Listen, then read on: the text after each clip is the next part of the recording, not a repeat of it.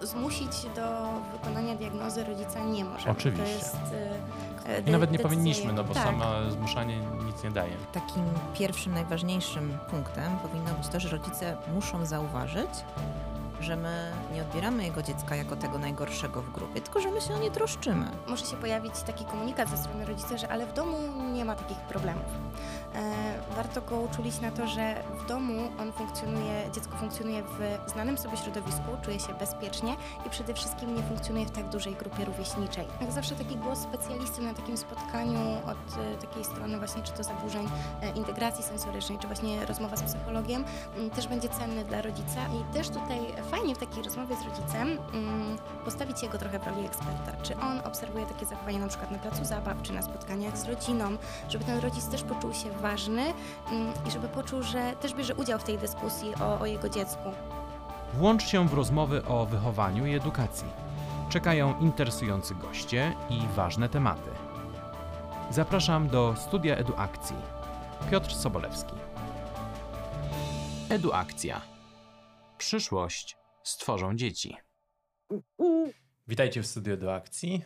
E, Ten odcinek poświęcimy komunikacji i współpracy z rodzicami dzieci w spektrum autyzmu.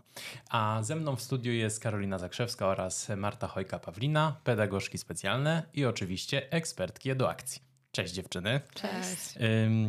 Współpraca z rodzicami wydaje się być dosyć ym, obszarem trudnym, bo mamy bardzo różnych rodziców, prawda? Mamy bardzo y, różne potrzeby. E, Dzisiaj skupimy się troszeczkę na tych dzieciach, które może nie są jeszcze w spektrum autyzmu, w sensie nie mają diagnozy, ale mamy podejrzenia, że dziecko przejawia takie e, zachowania, które mogłyby o tym świadczyć, że są w spektrum. E, Co powinniśmy mm, mieć szczególnie na uwadze, kiedy myślimy o tym, że warto by było porozmawiać z rodzicami, że ich pociecha, e, no przejawia takie zachowania, które powinny ich zaniepokoić i powinni coś z tym zrobić. Wiesz co, no właśnie przede wszystkim powinniśmy okazać tutaj morze empatii, pamiętać, że to jest ukochane dziecko swoich rodziców. Mhm. E, I takim pierwszym, najważniejszym punktem powinno być to, że rodzice muszą zauważyć, że my nie odbieramy jego dziecka jako tego najgorszego w grupie, tylko że my się o nie troszczymy. Tak po prostu. Że Widzimy, my chcemy też dobrze dla niego, Tak. tak, samo jak i rodzic. tak, że jakby to, co mówimy, to ma mieć dla niego skutki pozytywne, tak? Że nie chcemy się go pozbyć z przedszkola, bo, bo jest niegrzeczne, tylko że dbamy o jego przyszłość. Mhm. E, Od czego powinniśmy zacząć em, takie spotkania? Może jeszcze wcześniej? Mhm. W jaki sposób powinniśmy zakomunikować, że takie spotkanie warto, żeby się odbyło? E, Wiesz co, przede wszystkim do takiego spotkania musimy się przygotować. Mhm. Tak, to nie może być złapanie rodzica gdzieś tam w biegu w szatni i rzucenie tej informacji w drzwiach, e, tylko takie spotkanie powinno być wcześniej zaplanowane, my powinniśmy być do niego odpowiednio przygotowani. A to znaczy? To znaczy, wiesz co, że na przykład musimy mieć pewne przykłady zachowania tego dziecka, najlepiej spisane, żeby móc się nimi posłużyć e, podczas, tego, podczas tej rozmowy. I żeby to były konkretne sytuacje, mm, a nie jakieś takie ogólnikowo rzucone hasła, tak? Tylko żeby rodzic miał wyłożony konkret, y, jak kawa na ławę, nie? Że Stasiu zachował się w taki, w taki Mhm, sposób, że jest takich przykładów więcej. Tak. Mhm. Możemy się na przykład posłużyć też, e, jeśli mamy zgodę na nagrywanie dzieci albo fotografowanie, na przykład nagraniem zajęć, tak? Wtedy to już jest tak bardzo widoczne, jak Jasiu się zachowuje na tle grupy, tak? Że to nie jest tylko interpretacja nauczyciela, Tak. ale widać to po Mhm, prostu, nie? Tak. I- Warto też uspokoić rodzica, że mm, mo- może się pojawić taki komunikat ze strony rodzica, że ale w domu nie ma takich problemów. Mhm. E, warto go uczulić na to, że w domu on funkcjonuje, dziecko funkcjonuje w znanym sobie środowisku, czuje się bezpiecznie i przede wszystkim nie funkcjonuje w tak dużej grupie rówieśniczej. Więc e, zachowania, które obserwuje nauczyciel na tle grupy są zupełnie innymi zachowaniami niż obserwuje rodzic w środowisku domowym. I różne rzeczy mogą Mhm. wyjść. Tak. Tak. I jakby kiedy prowadzimy taką rozmowę, to Ale zanim przejdziemy Mhm. do prowadzenia rozmowy, bym chciał jeszcze przyciągnąć ten okej. wątek. Zapraszamy rodzica, Mhm. czyli go nie wzywamy. Tak, tylko zapraszamy. zapraszamy. No bo często się używa słowa, że wzywam rodzica, no to już to trochę tak y, buduje opór. Natomiast y, czy to powinno się odbyć publicznie, czy nie? To jest może trywialne pytanie, ale często mamy okazję rozmawiać z rodzicami wszystkimi. e, rodzicami e, naszych pociech? Nie. Mm, Takie spotkanie najlepiej Zdecydowanie nie. Jeden na jeden z rodzicem lub z dwójką rodziców danego ucznia, e, żeby też uniknąć takiego stygmatyzowania, wytykania palcem. Rodzic też w takiej atmosferze, gdzie będzie tylko z nami, jeden na jeden, poczuje się bezpieczniej Mhm. i nie poczuje się atakowany, tylko właśnie zaopiekowany. Jasne. Czy powinniśmy być sami na takim spotkaniu? Czy y, poprosić o wsparcie y, naszej koleżanki, kolegi, logopedy, psychologa? Wiesz co, jeśli dziecko ma zajęcia z innymi specjalistami, którzy i, on, i oni go znają, tak? W sensie Mhm. na przykład psycholog y, wie, jakie trudności przejawia, to warto.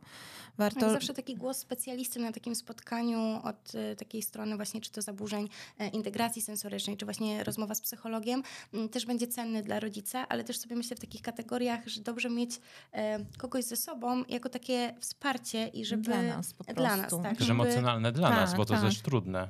Tak, E, I też jakby ta osoba z kolei będzie mogła powiedzieć, jak to dziecko funkcjonuje indywidualnie, tak? Bo może na zajęciach grupowych jest trudno, ale może na indywidualnych na przykład funkcjonować fantastycznie, tak? Mhm, mhm, I to też mhm. będzie taki komunikat dla rodzica, że zachowania grupowe jest jakaś trudność, tak? Mhm. No dobrze. Mamy rodzica przed sobą. Mhm. Od czego zaczynamy? Tak dosłownie. Jakbyście Mhm. to zrobiły. Tak dosłownie?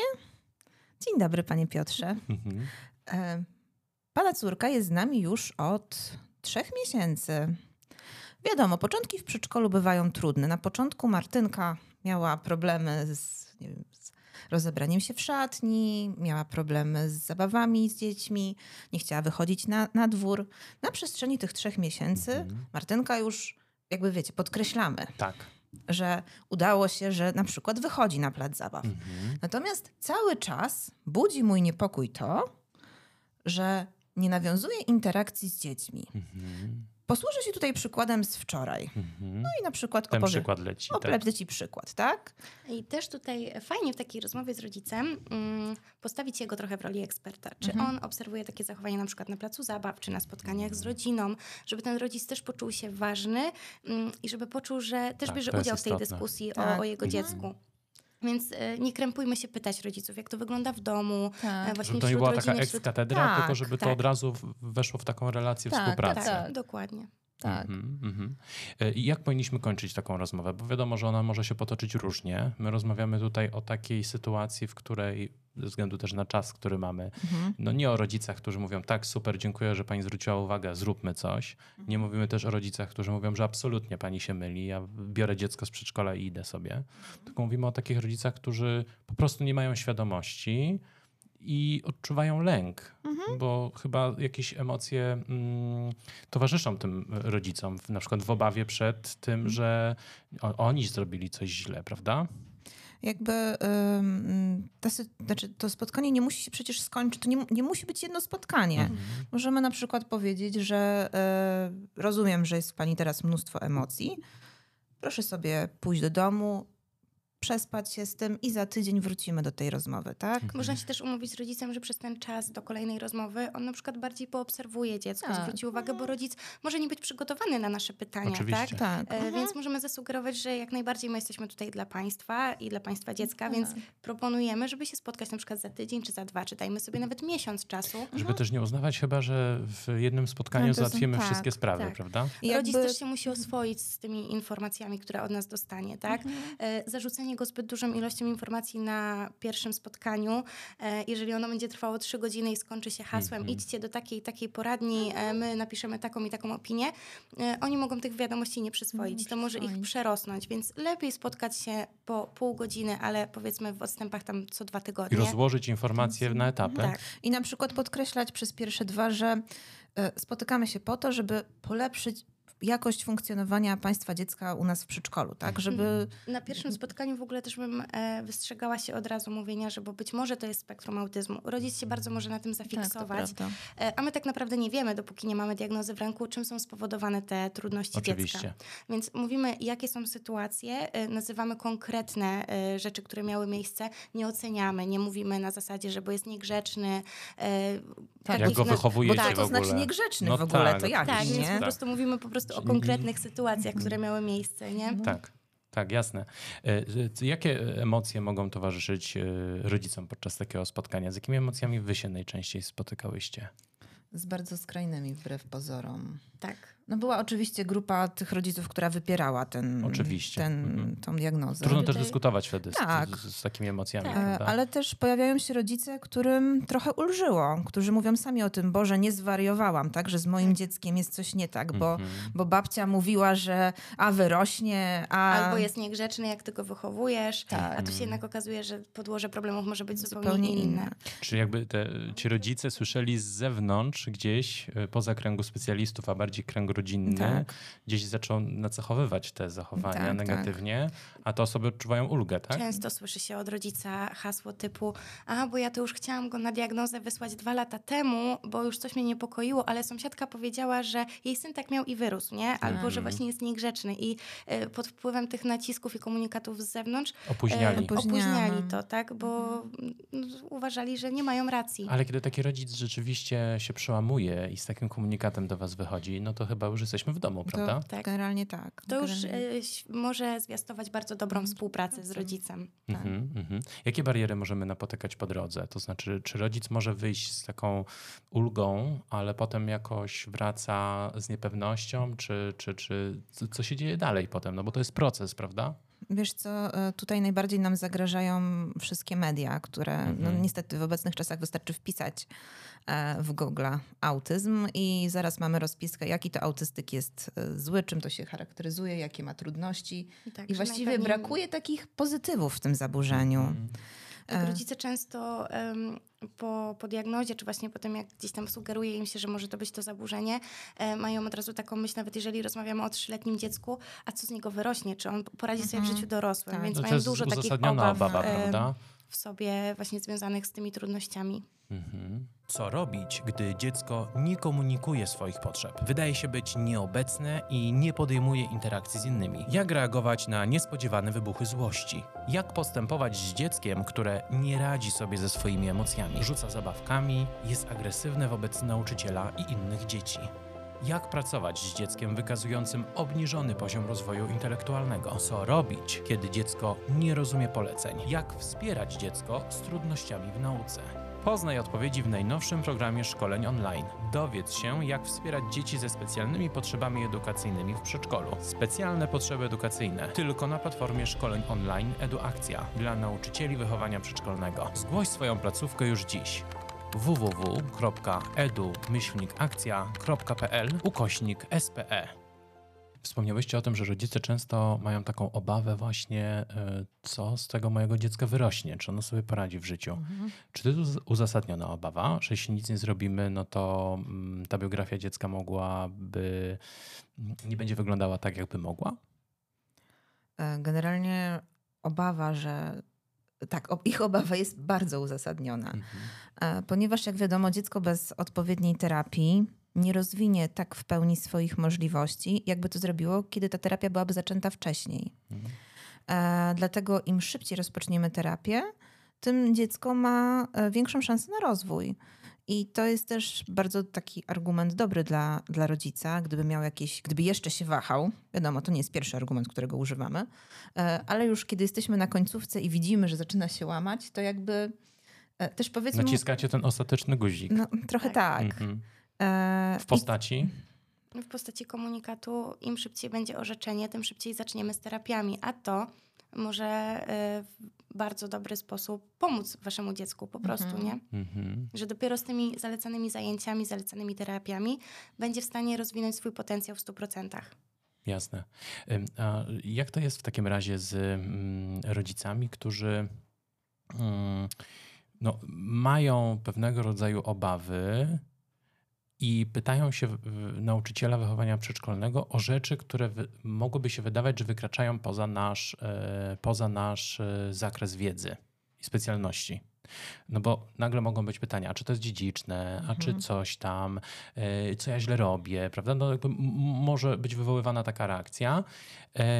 I, I gdzie jest granica naszych kompetencji? Żeby z jednej strony no, mm, nie szukać gdzieś w głowie odpowiedzi, żeby zaspokoić pierwszy głód wiedzy, e, a jednocześnie, żeby nie stracić e, tego, e, tego kontaktu pierwszego nie? We wsparciu tego dziecka. E, to znaczy, myślę, że tutaj też nie mamy co udawać, żeby robić z siebie nie wiadomo Mhm. jakich specjalistów, jeśli nie posiadamy takiej No i wiedzy. Przede wszystkim szczerość z rodzicami też zapunktuje w ich oczach, Tak. tak, że e, nie będziemy się kreować na specjalistę w temacie, w którym specjalistą nie jesteśmy. Mhm. Więc też Natomiast warto możemy Mhm. szczerze im powiedzieć w momencie, kiedy już czegoś nie wiemy, to po prostu powiedzieć, no nie wiemy, tak?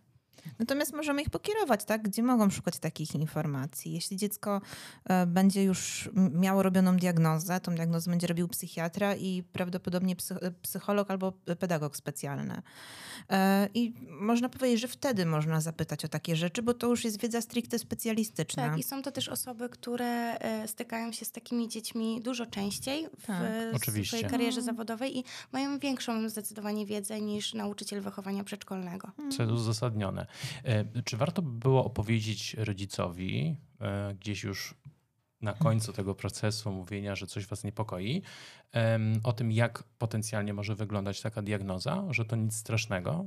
Ja to troszeczkę zaczynam Mhm. porównywać teraz w głowie do mm, pójścia do psychiatry jako dorosła osoba, czy do psychoterapeuty, tak? Że to są Mhm. jeszcze takie mity, że jak się idzie o psychiatrę, no to to rzeczywiście straszna rzecz, nie? A to wcale tak nie wygląda. Nic strasznego w gabinecie psychoterapeuty też się nie dzieje.